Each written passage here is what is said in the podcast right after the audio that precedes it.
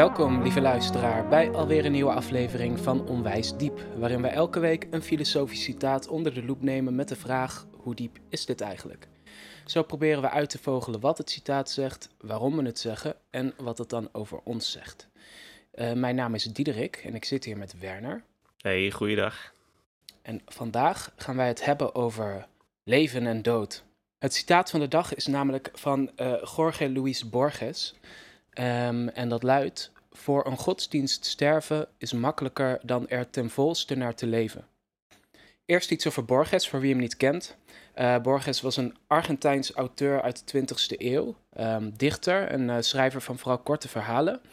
En die verhalen hebben vaak uh, ja, filosofische thema's, het is soms een beetje magisch realistisch. En, uh, of het voelt heel symbolisch. Ik weet niet of ik dat zelf zou zeggen, want er hebben auteurs meestal een mening over of het symboliek is of, of niet. Maar um, ja. uh, het zijn in ieder geval mooie verhalen die ik aan iedereen uh, aanraad. Dit citaat komt uit een kort verhaal Deutsches Requiem. Um, uit zijn, zijn bundel, zijn verhalenbundel De Alef. En dat is een fictieve vertelling van een Duitse ex-concentratiekampcommandant. Uh, en die, uh, die reflecteert op wat hij wat heeft gedaan en, wat hij, uh, en, en, en, en zijn lot. zeg ik dat goed? Ja, zoiets um, iets over hoe zijn voorouders misdadigers waren en hij nu ook. En hij ja. is ter dood veroordeeld en dan schrijft hij een soort laatste tekstje. En dan reflecteert hij nog even op Schopenhauer en dat ja, soort... Ja, ja precies. maar ja, is misschien goed om dan daar um, de context van het citaat even voor te lezen. Sterven voor een godsdienst is eenvoudiger dan die ten volle te beleiden. In Efeze vechten tegen wilde dieren is minder moeilijk, duizenden duistere martelaren deden het, dan Paulus te zijn, slaaf van Jezus Christus. Een daad is minder dan alle uren van een mens. Vechten en roem behalen is gemakkelijk. Zwaarder dan Napoleons onderneming was die van Raskolnikov. Ja, Raskolnikov, uh, dat personage uit uh, Dostoevsky's verhaal Misdaad en Straf. Uh, die uh, vanuit een filosofie een moord pleegt en dan verteerd wordt door gewetensvroeging en spijt en zo. Right. Dus voor een godsdienst sterven is makkelijker dan er ten volste naar te leven. Eerste indrukken. Waar dacht jij aan? ik denk niet dat het helpt bij de interpretatie, maar mijn eerste associatie is natuurlijk of martelaren of uh, zelfmoordterroristen. Zeg maar mensen die uh, ten strijde trekken voor hun geloof. Right. En ik weet niet of het dan een soort kritiek zou moeten zijn daarop. In de zin van uh, die mensen die zijn helemaal niet echt goed gelovig of zo. Of die doen helemaal niet hun best om daadwerkelijk naar het geloof te leiden. Ik kan me voorstellen dat het citaat in ieder geval door godsdienstkritische mensen zal worden gebruikt om die kritiek te leveren op mensen die uh, ge naar geweld grijpen bij Ja, dit is inderdaad dit is wel echt een citaat dat uh, zonder enige twijfel um, elke week op atheïstisch Reddit langskomt, ja. toch? dit, dit, soort, zo wordt het zeker gelezen, dat, daar twijfel ik niet aan. Ik weet niet of ik het ooit zo ben tegengekomen. Misschien wel. Het komt me wel bekend voor, maar... Zit jij vaak op atheïstisch Reddit? Uh, nee, maar dat komt wel eens op de voorpagina, weet je wel. Als oh, je ja. daar... uh, want het is zo'n populair... Uh, ja, het is zo'n factie, zeg maar. Ja. Ja. Um, ja. en jij? Um, ja, ik vind het wel grappig, omdat ik op het eerste gezicht, of in de eerste zin, ben ik het er misschien niet letterlijk mee eens. Of, of mee eens. Ik denk uh, meteen natuurlijk, ja, sterven is toch altijd moeilijk. Uh, want sterven, dat is waar iedereen, uh, tot, ja, iedereen tot op zekere hoogte bang voor is. En dat wordt voorgesteld ook als het grootste offer en zo. Ja. Um, maar ik vind het alsnog een mooi citaat, ook instinctief of intuïtief. Van, um, um, ik heb wel het gevoel dat hier iets mee gezegd wordt. Uh, en dat het ook uitnodigt tot reflectie op, op wat de betekenis van sterven en leven nou ja, uh, naar een godsdienst of misschien naar meer dan een godsdienst is. Daar komen we zo, uh, zo wel op. Maar dus wat de uh -huh. betekenis daarvan kan zijn.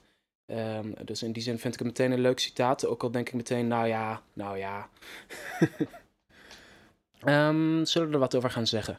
Ik dacht dat we het... Um, ja, we moeten het gewoon over die twee helften hebben natuurlijk. Uh, enerzijds, wat is voor een godsdienst sterven? Wat betekent dat hier? Mhm. Uh -huh. uh, en daarna natuurlijk moeten we het hebben over wat is het om ten volste naar een godsdienst te leven.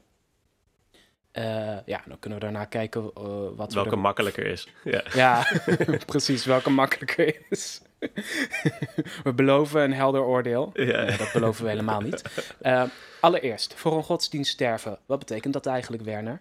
Ja, dank je voor deze... ik voel me dan altijd, altijd subtiel. Echt, ja, ja. ik voel me dan altijd als iemand die dan de beurt krijgt in de klas, Ja, die niet aan het opletten was. Meester Diederik. Eh, ik denk mm, waar, eh, waar een soort van het zwaartepunt in de zin ligt, in ieder geval, bij voor een godsdienst sterven, is ergens voor sterven. Want eh, iedereen gaat wel dood, maar niet iedereen sterft ergens voor, zeg maar. Eh, ik, ik denk dat dat wel interessant is om, om naar te kijken. Want je kan doodgaan terwijl je bijvoorbeeld iets probeert te doen of zo. terwijl je iemand probeert te redden. Ehm, maar dan zeggen we nog niet per se, je bent gestorven voor diegene. Het eh, andere kant is, je kan zeggen dat je ergens voor sterft of zou sterven. eh, waar dat dan eerder, of althans waar ik geneigd ben, mensen die zeggen, daar zou ik voor sterven, om die niet al te serieus te nemen. Of, of in ieder geval, dat zijn gewoon mensen die, die hebben een gevoel voor drama. En daar, ja, dan, dan, dan vind ik het nog heel betwijfelbaar of ze dat ook, of, of, ja, of je ze op hun woord kan nemen, zeg maar. Of, Ja, je, dat of weer dat echt moet geloven. Ja, mensen zeggen wel meer dingen van ik zou wel hypothetisch. En, en, en vaak is dat misschien dan ook meer een oproep aan anderen. Van eh, ja, ik zou sterven voor mijn land. Dus het is goed dat jij zal sterven voor ons land. Ja, of, of ik denk ook wel aan, aan een beetje zo'n romantisch soort Romeo en Julia-achtig verhaal. Van ik zou sterven voor de, voor de liefde of voor mijn geliefde of zo. Ik zou eh, mijzelf ertussen werpen als, als je beschoten werd. En dan zou ik de kogel opvangen. Eh, Ja, dat ja. soort dingen. Dat zijn dan heel dramatische, ehm, eh, dramatische eh, daden. Eh, vind ik ook wel mooi dat Borges dat zelf zegt van een, een, een daad. Het sterven, ergens voor sterven is een daad. En het is niet alle uren van een mens. Dat is niet alsof je daarmee alle toekomstige uren opoffert of zo. Nou ja, misschien deels wel. Maar het is vooral iets wat op één moment plaatsvindt. Ja, eh, ja, en dan is het een beetje of een, of een daad of wanneer iemand dat eh, zegt van ik zou sterven, is het een soort eh, ja, een dramatisch gebaar bijna. Van, Ja, eh, ja, ja. Dit is een, om iets duidelijk te maken van dit vind ik echt heel belangrijk. Want ik ben zelfs bereid om het, het ultiemste ervoor op te offeren. mijn leven. En waarom dat? En dat? Maar dat is dan een beetje zo schimmig ultiem. Want het is ook iets wat we niet helemaal bevatten en waarvan we niet zo goed... Nou, het, het belangrijke hier is voor iets sterven. Want Ja. inderdaad, iedereen sterft. En sterven is moeilijk. Dat is ook een beetje wat ik zei bij mijn eerste indruk. Eh, sterven is toch moeilijk. Eh, maar dit citaat is natuurlijk voor een godsdienst sterven. Voor iets sterven is makkelijker dan naar iets leven. Dat is wel net, zegt iets Ja. anders. Ja. Ehm, maar ik denk ook dat je godsdienst in, in dit citaat best vrij, iets vrijer mag opvatten, toch? Dat je daar andere dingen onder kunt verstaan. Van, je zei al wat, Mm. eh, Voor een ideaal of voor de liefde of voor je land. Ja. Het, gaat, eh, hij zegt zelf, eh, dus eh, Borges zegt zelf ook vechten en roem behalen is gemakkelijk. Zwaarder dan Napoleons onderneming was die van Raskolnikov. Dat gaat niet zozeer over religie, maar dat gaat over op een bepaalde manier een risico nemen en, en, en dat dat dan al dan niet zich eh, terugbetaalt. Eh, terwijl Raskolnikov iemand is die als het ware zijn hele leven lang een bepaalde last moet dragen. Eh, door dus wat hij heeft gedaan. ja, ja, precies. Ja. Ik vind het op zich dat we het wel breder mogen opvatten dan alleen maar. Eh, ja, ehm, je kan sterven voor een ideaal, misschien een ideologie of een idee als eh, je land. Of dat is een beetje deels idee, deels concreet. Eh, maar binnen sterven voor je religie kun je misschien ook nog wel verschillende. eh, dat kun je misschien ook wel op verschillende manieren begrijpen. Want je hebt Mm, eh, misschien mensen die zeggen: Ik sterf voor mijn religie, want dan krijg ik een beloning. Ehm, jij zei net ook met dat voorbeeld van Raskolnikov, was het ook een beetje een berekening, of niet? Ik, ik ken dat verhaal niet zo goed, maar ja, klopt. Het verhaal is. eh, hij heeft een soort van theorie over verschillende soorten mensen. Sommige mensen zijn grootse mensen en voor hen gelden de normale morele regels niet. De Ah. moraal is er alleen maar om normale mensen soort van braaf te houden. Maar er zijn mensen zoals grootse mensen, zoals Napoleon, die bepalend zijn voor de wereldgeschiedenis. En die mogen dus de, de regels soort van, die staan daarboven. En eh, vanuit dat principe denkt hij dus, ik ben een soort ubermensch. Eh, de film The Rope gaat daar ook over. Ah, eh, van, Hitchcock. van Hitchcock. Van, we moeten ons, ik ga mezelf als het ware testen door te kijken of ik een moord kan plegen, of die moraal op mij van toepassing is. En hij berekent dan inderdaad een soort van, deze vrouw is rijk, maar echt een, eh, een enorm eh, kwaadaardig eh, wijf. En eh, dat geld dat zou in veel betere handen zijn bij mij, een arme student. Dus het zou goed zijn, vanuit dat hogere principe van grote mensen die boven de wet staan, boven de normale wet staan, zou goed zijn voor mij om als ware affirmatief eh, op mijn eigen status eh, haar te doden en haar fortuin te stelen. En dat blijkt dan dat hij daar de rest van zijn leven door verteerd wordt. Dat hij, dat hij volgens mij eindigt het verhaal dat hij soort zijn straf krijgt en dat hij daardoor eindelijk berusting vindt. Omdat, hij, eh, omdat er vergelding is geweest, zeg maar, zoiets. Ja, dat is zo grappig, want eigenlijk noemt Borges hem dus als iemand die eh, naar zijn religie leeft. Of die, dus, die het helemaal, ja. ja, die het Ja, de, dus re- de rest van zijn principieel leven is. mee doet. Ja, die principieel is. Ehm, ja, want dat is eigenlijk, ik, ik zei het naar aanleiding van eh, eh, religie en sterven voor een beloning, maar dat is eigenlijk nog net iets anders. Ik weet ook niet op hoeveel, want dan zit het weer een beetje bij de, de kruisridder of de, of de, eh, de zelfmoordterrorist. Martelaar moeten we eigenlijk dan zeggen, ja. En dat is dan nog iets meer, ik weet niet op hoeveel mensen dat letterlijk van toepassing is, dat, dat ze die afweging maken. Uh, Ja. Maar er zijn er misschien wel, ja, er, er is wel een logica van, oké, ik sterf nu, zodat mijn ziel dan meer krijgt of zo. Of, of, om alvast om een karma te genereren op een gekke manier. Eh, maar dan moet je natuurlijk ook de ma- materiële omstandigheden in meenemen van de mensen die die aanslag pleegden. Eh, waardoor zeg maar, de organisatie Al-Qaeda dan heel veel beloning biedt aan de familie die achterblijft. Dan kun je ook zeggen, ik Oh, ja. offer me op. En dan is het wel een soort berekening. Dan offer je je op voor je familie en hun welzijn. Die zullen dan geëerd worden en eh, voor nooit meer honger hoeven te lijden. Zeg maar, zo'n idee. Ik ben zelf geneigd om dat psychologiserend nooit helemaal aan de religie toe te schrijven. Nee. Aan het metafysische geloof, zeg maar in een hiernamaals toe te schrijven dat iemand er ooit voor zou sterven. Een ander soort aanslagen is bijvoorbeeld de laatste jaren meer in het nieuws. De mensen die, het witte, eh, eenzame mannen die eh, van daaruit een soort aanslag plegen. Die bang zijn voor de white genocide of zo. Eh, Van die eh, radicaal rechtse eh, gedachten. Waar dan ook wel eens een pistool om wordt getrokken. En meestal ook wel met de gedachte om daar of doodgeschoten te worden door de politie of z- zelfmoord te plegen. Ja, dat heeft wel natuurlijk iets te maken met, het, met, met de gedachte dat je voor een ideaal moet sterven of zo. Dat er een groter dan ikzelf aan de hand is. Eh, waar ik eh, onderdeel van uitmaak, waar ik als het ware mijn taak in moet vervullen. Als tandwieltje in de machine, in de grote strijd van de geschiedenis, moet ik mijn steentje bijdragen. Maar. Zo'n gedachte kan er wel, dat kan wel inspireren tot, tot gewelddadig gedrag. Wat het ook heel ja, nihilistisch kan zijn, toch? Eh, het kan ook juist, dat is het moeilijk interpreteren. Nou, het impliceert ook een soort, ik ben niets waard. Ik ben Ja. alleen maar een tandwieltje in het Ja. geheel natuurlijk. En daarom denk ik ook van, zoiets kun je volgens mij pas geloven op het moment dat je inderdaad niet zoveel over jezelf denkt. Ja. Eh, dat je eenzaam bent of... of ehm, Je leven heeft niet zoveel met lijf, voor je gevoel. Ja, dat je denkt, ik heb toch niet zoveel te verliezen, in ieder geval. Je hebt niet zoveel te verliezen.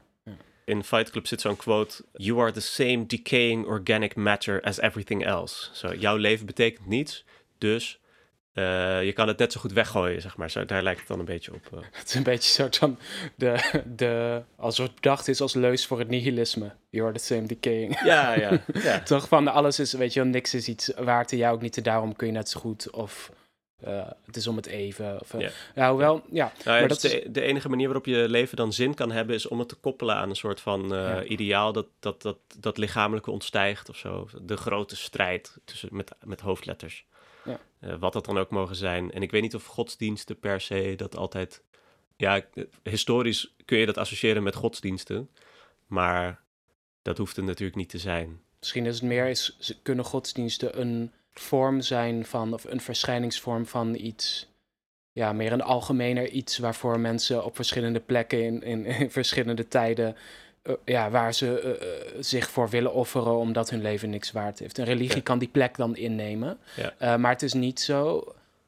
of tenminste, dat is dan het verschil. Als je zegt, maar dat is niet echt sterven voor een religie of vanuit een religie. Ehm, dat wil dan zeggen, het is niet zo dat je, een, eh, dat je religieus wordt. En dan heb je een, eh, een, een set regels. En op basis daarvan zeg je: Oh, hey, eh, volgens deze regels moet ik mezelf nu opofferen. Ehm, Ja. Nee, ja, precies. Dat, komt weinig voor, denk ik. Ja. O- Ja. Of, of niet. Ja. ja, dat was inderdaad waar mijn vraag mee begon. Van, zijn die mensen, sterven die voor een religie? Of sterven ze eigenlijk ja, vanuit wanhoop over eh, juist alles wat in hun leven wat niet die religie is? Inderdaad, ja, dat kan wanhoop zijn met een, een soort van een, hun idee van hun conditie. Een soort van existentiële wanhoop van ik ben niks. Of gewoon wanhoop aan heel concrete omstandigheden. Degene die zegt, ehm, nou ja, mijn leven is zo weinig waard, maar als ik me opoffer hiervoor, dan heeft mijn familie tenminste wat geld of zo. Ja, Echt een dan kan ik toch van, nog wat betekenen. Ja, ja, precies. Dan kan, ja. kan, kan ik toch nog wat betekenen, ja. Oké. Ja, en de vraag is dan ook een beetje, eh, wat is het precies dat je opoffert? Eh, want dat is iets wat we eer, waar we het eerder over hadden, wat je eerder noemde. Je kan natuurlijk zeggen er is, eh, dat er een verschil is tussen het louter bestaan, dat je in leven bent, dat kun je opofferen, gewoon puur het, het feit dat je leeft, tegenover de inhoud van je leven. Bijvoorbeeld al je relaties met mensen, mensen om wie je geeft en, en allerlei, ja, dat kunnen ook ideeën zijn. Ehm, je leven, zoals we dat zeggen wanneer je zegt, eh, eh, jij, hebt een, jij hebt een leven. Ja. Daarmee bedoel je meestal, jij hebt een eh, interessant leven waarin van alles gebeurt en waarin, waarin betekenis zit of zo. Ja, ik zit te denken, want je zou inderdaad zeggen van iemand eh, vanuit wat ik net zei, van eh, eh, de mensen die, eh, die dat soort opofferingsdrang hebben, die, die hebben niet zoveel in hun eigen leven. Een beetje zo Mhm. algemeniserend. Ehm, en eh, inderdaad, iemand die gelukkig is, die zal niet zo snel zijn leven geven voor een religie, zeg maar. Dat zou je dan denken daaruit. Omdat wat je, wat je dan opoffert, is veel meer dan alleen maar het inleven zijn, maar ook eh, alle betekenisvolle relaties die je hebt en eh, de zinvolle projecten die, waar jij mee bezig bent, waarvan jij de zin ook ziet. Hè? Eh, het inleven zijn is daar een soort voorwaarde voor en die ga je niet zo snel opofferen. Terwijl als je geen projecten hebt waarvan jij denkt, daar is het de moeite waard voor om ehm, voor te blijven leven, dan is het makkelijker om het besluit te maken van oké, nou dan kan ik het makkelijk op, dan heb ik hier toch niet zoveel te zoeken op aarde. Ja, Ehm, misschien, eh, misschien is dat ook een beetje de definitie van wanhoop. Dat als er geen leven, inhoudelijk leven is en ehm, als iemand het gevoel heeft dat, er, dat het enige wat hij nog zou kunnen geven het loutere bestaan is. Het, loutere in leven zijn. en in leven zijn, Ja. dat je hart klopt. Ja, gewoon het Ja. biologische, Ja, het biologische Eh, leven bijna. biologische leven. Ehm, hebben we daar genoeg over gezegd? Of? Ik denk het wel. Ja, toch? Eh, zullen we dan wat gaan zeggen over ten volste naar een godsdienst leven? Eh, en wat dat betekent? Ja, dan klinkt het wel, dan is het idee van een religie wel heel belangrijk in het citaat, denk ik. Zeg maar, eh, naar een godsdienst leven of naar een ideaal leven, dat impliceert dat er bepaalde voorschriften zijn waar je naar moet leven, toch? Eh, dus eh, de regels die eh, in de Bijbel staan of in de Koran of in het, het, het communistisch manifest. Ehm, Ja, daarbij dacht ik ook aan Raskolnikov en wat je daarbij zei, van die leeft naar een principe. Want je kan het natuurlijk, het leven naar volgens regels, volgens principes, dat is waar het dan een beetje op neerkomt, toch? Ook, ook in de religieuze zin of in de ideologische zin, in ieder geval dat je consequent een programma volgt of zo. Ja, je kan zelfs nog eh, Kant zijn categorische imperatief of zo erbij zetten. Van, waar je, Ja. dat, is namelijk principieel. En dus, eh, ik denk dat we het daar ongeveer over moeten hebben, dat je daar ten volste naar leeft. Ehm, en dat denk ik minder bij bijvoorbeeld nationalisme of eh, liefde of zo. Daar ten volste naar leven, dat, dat voelt alsof die Mm. zin niet helemaal werkt. Klopt, dat is niet hetzelfde. Dat lijkt niet hetzelfde te zijn. Ja, want ik zeg er nooit, ik, eh, pro- ik, ik vind het belangrijk om ten volste van mijn vrouw te houden. Het is meer, ik, weet je wel, die liefde is er, maar het is niet een soort van, Het is niet een principe. Dat is, nee, ja. het is geen principe en ook geen hard werk in, En in die het- zin. Het zou, nee, precies. Ja, het, zou zonde, het zou zelfs erg zijn als, als het principieel was dat je van iemand hield in plaats van... eh, dan zou diegene Ja. zich ook helemaal niet gezien voelen. Nee, maar hoewel, terwijl ik dat zeg, denk ik wel, eh, eh, het, eh, wat je veel hoort is natuurlijk, hey, relaties zijn eigenlijk ook gewoon hard werk hoor. Wees niet romantisch. Ehm, dus Ja. misschien in die zin kun je wel zeggen, het is moeilijk om een... ja, in die zin kun je misschien wel zeggen, het is moeilijk om een liefde te beleiden. Om die... Om bijvoorbeeld altijd na te denken over wat hij nodig heeft. Ja, ja, klopt. Dat, Ja. kun je misschien nog wel proberen. ja, ja. Ja, dus als het verhaal van, van Romeo en Julia verder was gegaan terwijl ze niet doodgingen, dan hadden we uiteindelijk natuurlijk nog heel veel ruzies eh, mogen meemaken. Waarbij ze allemaal veel te dramatisch deden. En, uh, slecht communiceerden, geheimen voor elkaar hielden enzovoort. En dat in stand houden. Ja, klopt. Dus dan, dan kun je nog wel zeggen dat ten volste naar godsdienst leven, als dat het citaat is. Dan kun je dat ook nog wel toepassen op relaties. Dat je in, in ieder geval daar vol mee instemt of zo. Dat je zegt, ik ga... het op je nemen. Ja, ik neem de taak op me. Ik, uh, ja, ja want dat is nogal. Ehm, iedereen is er geloof ik over eens dat dat niet kan, toch? Ehm, niet zozeer dat, dat je geen goede relatie kan hebben trouwens, maar um, iedereen is er wel over eens dat het onmogelijk is om absoluut principieel te zijn. Ja. Mensen zeggen, ik ben ook maar een mens. Je kan goede bedoelingen hebben, maar uiteindelijk vergeven we het iedereen wel als het niet helemaal lukt om nooit te liegen, bijvoorbeeld. Ja, en we hebben natuurlijk, ja, omdat we ook iedereen snapt dat we beperkte capaciteit hebben en dat we s ochtends niet even scherp zijn als middags en dat we niet uh, altijd overal mee bezig kunnen zijn. Nee. zeg maar letterlijk. Uh, nee. Bijvoorbeeld als je probeert om, uh, nou ja, bijvoorbeeld als je, als je veganist bent en je wil geen enkel dier geen, geen enkel leed veroorzaken in de wereld aan enig levend wezen. Um, nou ja, goed, gedurende je dag ga je ook wel eens op een mier staan. Ja, uh, daar kun je gewoon niks aan doen. Ja, er zijn toch um, monniken die en... op stelten lopen, zodat ze minder kans hebben om op een mier te trappen? Dus wat jij zegt is, het kan wel. Je ja, doet gewoon niet genoeg je best. Nee, nee. nee maar goed, dus, in die zin zou ik zeggen, ten volste naar een godsdienst leven betekent nooit, want het kan nooit betekenen 100% uh, alles goed doen, zo gezegd, volgens de principes of regels, maar is dan altijd automatisch een streven. Uh, is dat ja. uh, veilig om te zeggen? Ja, toch? Ja, dat is in ieder geval de manier, zeg maar, ook iemand die heel vroom en religieus is en waarvan we zouden zeggen die leeft naar zijn godsdienst, is niet, is, is, ik denk dat we allemaal ook inzien dat vaak dat soort wereldbeelden contradicties bevatten. In ieder geval, uh, je komt in je leven voor uh, allerlei dilemma's te staan waar gewoon verschillende waarden die allebei belangrijk zijn, waarvan er eentje dan uiteindelijk belangrijker moet zijn dan de ander. Dus je zegt, ja, ik, ik, geef om de autonomie van dit mens, maar als hij van een klif afspringt, dan moet ik hem wel, hè, dan moet ik zijn vrijheid beperken. Ik wil wel dat hij blijft leven, dus gezondheid en autonomie zijn dan tegengesteld aan elkaar. Um, en dat zijn allebei principes die als het ware, als je zegt ten volste moet ik daar naar leven, dan zijn het allebei principes die oneindig en absoluut zouden moeten zijn. Die moet je dus tegen elkaar wegstrepen ineens in de praktijk van het leven. Um, en dat, uh, dat kan dus niet. Dus, dus, om, om te zeggen, alle wereldbeelden zijn inherent uh, contradictoir. Uh, die, die spreken zichzelf als het ware op een bepaalde manier tegen. ik vind het een mooie illustratie daarvan, van hoe, hoe moeilijk het is of zo, om heel principieel zo rechtlijnig mogelijk te zijn, is het verhaal van A.J. Jacobs. En die heeft het boek geschreven A Year of Living Biblically.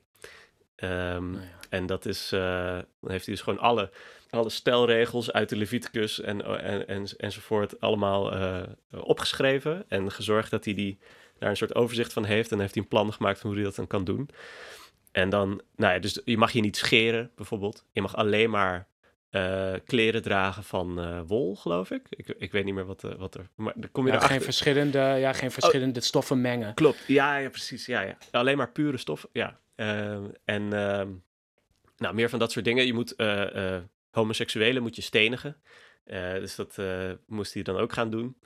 Uh, dat hij een vriend. Uh, of, of hij is in de gevangenis beland uiteindelijk. Nee, nee nou, wat, wat hij heeft gedaan was dat hij. Uh, hij vertelt dat in ieder geval in, het, in, in een soort TED-talk of zo erover. Dat hij dan iemand tegenkwam en dat hij die sprak en zei: Ja, ik ben trouwens homoseksueel. Oh, leuk. Oh, zou ik je mogen stenigen? En dan heeft hij één steen naar die persoon gegooid. Hij heeft het wel ludiek ik. gedaan. Ja, wel ludiek. Maar dan zie je al van: oké, nou, je kan. Eigenlijk is dat misschien een ander probleem. Er zit natuurlijk inherente contradictie tussen die waarden die je tegen elkaar moet wegstrepen. Dus hij moest mhm. natuurlijk uh, zo, so love thy neighbor en uh, stenig uh, homoseksuelen. Dat is bijvoorbeeld contradictoir als, als, je, als je buurman... Ja, want je buurman kan homo zijn. Ja, en, het hoeft niet eens je letterlijke buurman te zijn, nee, maar ja. ja. Je, je naaste. Ja. Ehm, dat is natuurlijk inherent contradictoir, maar natuurlijk is het ook weer zo dat uh, ook de, de, de, de, religieuze mensen waarvan we nu zeggen, die zijn super vroom en die leven uh, zo hard mogelijk naar hun idealen, die moeten zich toch ook relateren aan de levende, de, de, de waarden on the ground, zeg maar. De, de rest van de maatschappij heeft ook bepaalde principes en waarden die niet altijd stroken met de hele oude stelregels van een religie. En daar moet altijd een soort vertaalslag plaatsvinden. Uh, wil, je, uh, uh, wil je een ja, soort mee kunnen blijven doen met de rest van de wereld? Um, en in die zin is het op een tweede manier heel moeilijk om naar een godsdienst te leven, omdat je als je letterlijk neemt wat er in de, in de Bijbel staat, dan valt dat niet meer te vertalen naar een hedendaagse context van goed handelen. Ja, dat is ook de geschiedenis eigenlijk van, natuurlijk van elke religieuze traditie. Of van, denk überhaupt misschien kun je zeggen van elke traditie. Is dat het een constante aanpassing is aan nieuwe omstandigheden. Dus er zijn bijvoorbeeld bepaalde regels en die moeten dan de hele tijd geherinterpreteerd worden. En het is alleen van tijd tot tijd, wanneer de wereld heel snel verandert. En wanneer er dus groepen zijn die al te snel zich willen aanpassen. Dat er orthodoxie opkomt en zegt: Oh, wacht even, iets minder. Uh, iets, weet je, laten we iets uh, strikter de regel volgen. En dan krijg je dat soort splitsingen. Um, om maar te zeggen. Ik, ik ken bijvoorbeeld de, de rabbijnse literatuur binnen het Jodendom uh, wat, wat iets beter. En um, daarin gaat het er dus ook om, om al die, al die regels uit, uit de Leviticus of alle regels gewoon uit, uit de Bijbel op een rijtje te zetten en te kijken hoe je dat hoe je dat kunt omzeilen zonder niet meer vroom te zijn. Ja. zeg maar, het, het, het klassiekste voorbeeld daar is dan de, dat je dingen die een Jood niet mag doen op, op Shabbat, laat je door een niet-Jood doen. Want dan heeft geen enkele Jood zich schuldig gemaakt aan niet, weet je? Ja, ja. Dus je moet, je kan ook misschien die, de normen van die maatschappij gebruiken om, om aan je regel vast te houden. Ja. Je, sorry, de, de andere normen van de, van de maatschappij. Oh, ja, precies. Ja, ja. Dus dan is het, uh, de, uh, in ieder geval dat voorbeeld is dan inderdaad, als ik kan het niet doen, dan zorg ik wel dat een niet-Jood een niet het wel kan doen. Dat betekent dat je erkent dat niet iedereen volledig naar jouw godsdienst ja. zou kunnen leven. Terwijl je bij vroomheid toch ook altijd een soort van missiedrang... Uh, christendom heeft natuurlijk heel duidelijk een missiedrang van iedereen moet de boodschap krijgen. Uh, en dan zou je het liefst hebben dat iedereen zo christelijk mogelijk was, zeg maar. En, en uh, islam heeft dat, datzelfde uh, idee van bekering, terwijl het jodendom soort van heel duidelijk erkent van, nou, we gaan toch niet iedereen overtuigen. Het is eigenlijk wel goed dat, dat er niet joden zijn, want die kunnen dan voor ons dingen doen die wij niet mogen doen. Zoals je een slager inhuurt als je, als je wel vlees eet, maar geen zin hebt om een, om een dier te doden. Als dat gaat over, over ten volste naar een godsdienst leven, is dat dan eigenlijk mhm. een, eerlijke implica een eerlijke implicatie? Dat je zowel ten volste voor jezelf naar die godsdienst leeft, maar dat je ook, als het ware, die principes zodanig uitdraagt dat je vindt dat anderen uh, ook, uh, dat je probeert anderen te overtuigen dat dat het goede is? Of ja, hoort dat, dat er niet bij? Ja, van is een, um, een principe uh, 100% volgen impliceert dat je ook missionair moet zijn. Yeah, dat, dat, yeah. ook, dat je ook moet proberen dat principe als zodanig te verspreiden uh, naar zoveel mogelijk mensen. Dat zij dat ook gaan volgen. Yeah. Uh, dat vind ik een goede vraag, maar dat weet ik niet. Uh, Jammer. Weet jij dat? Jammer. Lekker is dat. Nee, maar het is wel een mooie vraag ook gewoon om de luisteraar mee op te zadelen van... Uh... Succes. ja, veel plezier. Wanneer ben je principieel genoeg? Ben je principieel als je alleen jezelf aan de regels onderwerpt? Ja, vind ja. ik wel een serieuze vraag. Ja. Um, Oké. Okay. En, uh, oké, okay, dus dan hebben we, in ieder geval zijn we het dan over eens dat, dat het niet makkelijk is om naar een godsdienst te leven op zijn, op zijn minst om twee redenen. Namelijk allereerst omdat uh, uh, de wereld uh, ervoor zorgt dat jouw waarden tegen elkaar afgestreept moeten worden. Dat je nooit principieel kan zijn in al je waarden all of the time. Ja. En anderzijds dat je altijd, dat je nooit een letterlijke interpretatie van je godsdienst kan geven. En dat je altijd een vertaalslag moet maken naar de moderne wereld, als het ware. Waar, waardoor je kan zeggen, als je zegt, leef ten, ten volste naar je godsdienst, dan zijn we geneigd om, te, om dat te lezen als leef letterlijk naar alle regels die je godsdienst jou aandient. En dat is ook moeilijk, uh, omdat waarden veranderen met de tijd en uh, met, de, right. met de cultuur. Um, dus Dus is maar, nou, het kan niet. dus uh, dat is inderdaad moeilijker, denk ik. Ja, nee, ja ik wilde zeggen, dus um, uh, antwoord op de vraag. Voor een godsdienst sterven is makkelijker dan ernaar leven. In het licht van wat we allemaal hebben gezegd, kunnen we daar, kunnen we daar nu iets zinnigs over, een zinnig antwoord op geven? Klopt het volgens ons? Ik denk dat het wel klopt. Nou, misschien is dat nog de vraag, want omdat dat ik denk dat wat het verschil is tussen die twee, is dat de ene, dus voor een godsdienst sterven, dat impliceert, uh, mijn leven is niet zoveel waard, of, of, ik ben ondergeschikt aan, aan het grote verhaal. Hm. En daarom doet mijn leven er niet toe, behalve als onderdeel van het grote verhaal. En dus kan ik mijzelf daarvoor opofferen. Uh, dan heeft mijn leven misschien nog iets betekend. Dat was ongeveer hoe we dat, het sentiment daarvan hadden samengevat. Uh, en dan, dan, het is een soort van afkering van de wereld zoals die is. Dat je denkt, nou, mijn leven doet er toch niet toe, de wereld om mij heen alle, hè, is toch zinloos. Terwijl ergens uh, uh, naar een godsdienst leven, dat betekent dat je moet instemmen met, met die moeilijke wereld waarin al die waarden contradictoir zijn enzovoort. waar, dus de ene wijst de wereld af en de ander is instemming met de wereld. Naar een godsdienst leven, als we dat heel breed opvatten, dan betekent het heb idealen en zet je ervoor in. Zeg maar, wees daar ook, handel daarnaar. En in hoeverre je ernaar moet handelen, dat kunnen we nog wel. Eh, daar, eh, wanneer dat ten volste, dat maakt het dan wel erg moeilijk. Want dan weten we dat het niet kan. Uh, maar dat is natuurlijk ook, ja, dat is dat vindt Borges dan ook waarschijnlijk. Die zegt ook, ja, eigenlijk uh, alle, zeg maar, alle problemen of de meest interessante problemen ontstaan in dat tweede deel. Als je probeert ten volste iets, uh, bijvoorbeeld een goed mens te zijn of een, een religie te beleiden of een ideaal na te streven, dan ontstaan ook misschien ook allerlei filosofische problemen. Maar daarom is het ook moeilijker dan zo'n alles of niets uh, offer van, waarbij ook, ook bedoel, het is heel dat is natuurlijk niet de letterlijke redenering die, die in een hoofd plaatsvindt, maar dat het is van oké, okay, uh, nou ben ik er ook vanaf. Ja. Uh, ik doe dit en dan is het klaar. Ja, um, ja. na sterven is het klaar, maar uh, als je kiest om te leven, dan begint het pas. Ja. Mooi, ik vind het echt mooi in, in, in, de, in dat, dat verdere tekstje van een daad is minder dan alle uren van een mens. Ja, je moet, dat je met die daad instemt, dat kan natuurlijk nog een heel moeilijke afweging zijn, maar dan ben je daarna ook gewoon klaar. En alle uren van een mens, ik bedoel, zie daar maar eens ja tegen te zeggen. Ja, want die eh. uren, dat is inderdaad, dat is mooi, omdat die uren zo, dat zo mooi uitbeelden van, oh ja, elk uur. Ja, uur na uur na uur. Uh, ja, klopt. Um, ben je het eens, dus, op grond van wat je nu net... Uh... Mm, ja, dus, dus ik wil als het ware zeggen, instemmen met de wereld uh, met de moeilijke taak om die te onderhouden. Dat is uh, moeilijker dan hem af te wijzen. Zeg maar, hem af te wijzen, dan ben je er vanaf, dan hoef je er niet meer over na te denken. Dan, dan, dan neem je geen verantwoordelijkheid. Terwijl instemmen met de wereld, een soort van de verantwoordelijkheid op je nemen om, ook al is het een beetje een rotwereld, uh, waar allemaal stomme mensen in zitten en, en allemaal gedoe aan de hand is. Dat je dan zegt, ja, maar ik ga het toch doen. Dat vind ik um, nou ja, in het begin van je leven gaat dat redelijk vanzelf. En naarmate je meer van de rommel ziet en, en, en, ouder wordt en ziet dat iedereen eigenlijk maar wat aan het aanklooien is, kan ik me voorstellen dat die vraag vaker bij je naar voren komt. ja. Ja, dat zit er wat in, ja. Wat, wat, wat denk jij? ik geloof dat ik er nog steeds veel voor voel. Uh, ook, het is denk ik ook een, een sentiment waar, wat, wat sowieso wel veel op veel geknik kan rekenen.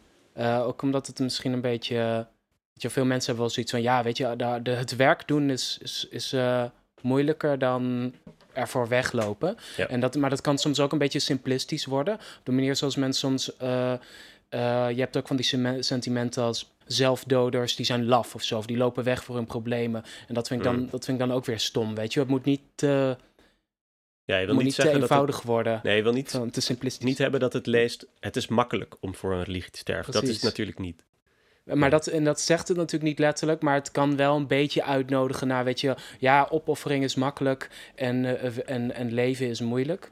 Um, maar, dus als je het goed leest, denk ik dat er veel in zit. Ben ik het er en mee eens. En ook qua menselijke psychologie wel, wel een interessant citaat. Van, ook als we het niet hebben over concrete daden, maar over nadenken over de dood. Het is makkelijker om te denken in termen van zelfopoffering of een, uh, een vaag ideaal of een alles of niets, dan uh, na te moeten denken over hoe, hoe je iets in de praktijk gaat brengen of hoe ingewikkeld de, de, de, de, wereld in elkaar zit. Moeilijke afwegingen maken waarbij je alles meeneemt. Ja. Precies. En daarvan mag er van mij, weet je, dat mag van mij altijd gestimuleerd worden, dat bewustzijn. Ja. Uh, dus ja, ik, ik, vind, ik vind het citaat gewoon dat het gezegd moet blijven worden. En uh, ik vind het gewoon een mooi citaat. Ja. Punt. Goed. We geven nog een cijfer. Oh ja. Uh, ik vind hem best wel diep, eigenlijk. Ik, ik heb het idee dat het best wel diep was. Ik vind het een 9. Ik ja. ga gewoon een 9 geven. Ik ga het gewoon een 9 geven. Doe eens gek. Ik uh, had dat ook in mijn hoofd. Ik denk dat ik het daar wel mee eens ben. Mooi. Vooral omdat het, uh, ja, het, het doet je we hebben nagedacht over wat het nou is waar je dan al dan niet voor leeft of sterft. Uh, dat gaat vanzelf, uh, wordt dat natuurlijk lekker diep. Ja. En uh, Werner, volgende week beginnen we eigenlijk aan een nieuw hoofdstuk voor Onwijs Diep. Want lieve luisteraar, we nemen inmiddels op sinds september 2022. En, en we hebben elke week steeds opgenomen en dan um, een, een, stukje vooruitgewerkt ook. Uh, en in de tussentijd hebben we natuurlijk een heleboel goede ideeën gekregen. En uh, die willen we gaan uitproberen. We willen wat, wat, meer ruimte voor experimenten. En dat gaan we vanaf volgende week doen. Uh, en Werner, wat heeft dat concreet om het lijf? Laat ik dat aan jou vragen. Ja, precies. Dat, dat heb ik besloten natuurlijk. Ja. nou, wat, het meest concreet is dat we om de twee weken gaan publiceren. in plaats van iedere week. want dat geeft ons wat meer ruimte om ook uh, nou, is te, uh, te, reageren op de actualiteit. Dan hebben we genoeg tijd om het te editen. Uh, dat we wat langere afleveringen kunnen maken misschien. dat we wat ideeën die we nu hebben over thema's en over seizoensvorming een beetje kunnen, kunnen uitproberen. En volgende week is daar eigenlijk meteen al wel een goed voorbeeld van. Omdat we dan het citaat Alles van waarde is weerloos van Loetje Bert gaan bespreken. Want dat is uh, het thema van de maand van de filosofie. Uh, die, of althans, het thema is uh, weerloos en waardevol. En dat is heel duidelijk geïnspireerd door zijn citaat. Ja. Ehm, en hebben ook wat meer tijd voor social media en zo, denk ik. Precies. Hopelijk ben je er volgende week bij voor dit. Hoe noemde ik dat nou? voor een nieuw era. Hopelijk ben je er volgende week weer bij. Um, wij hebben er veel zin in. En alles is mogelijk. Dus uh, je zult op het puntje van je stoel zitten. uh, tot volgende week. Ja, tot dan.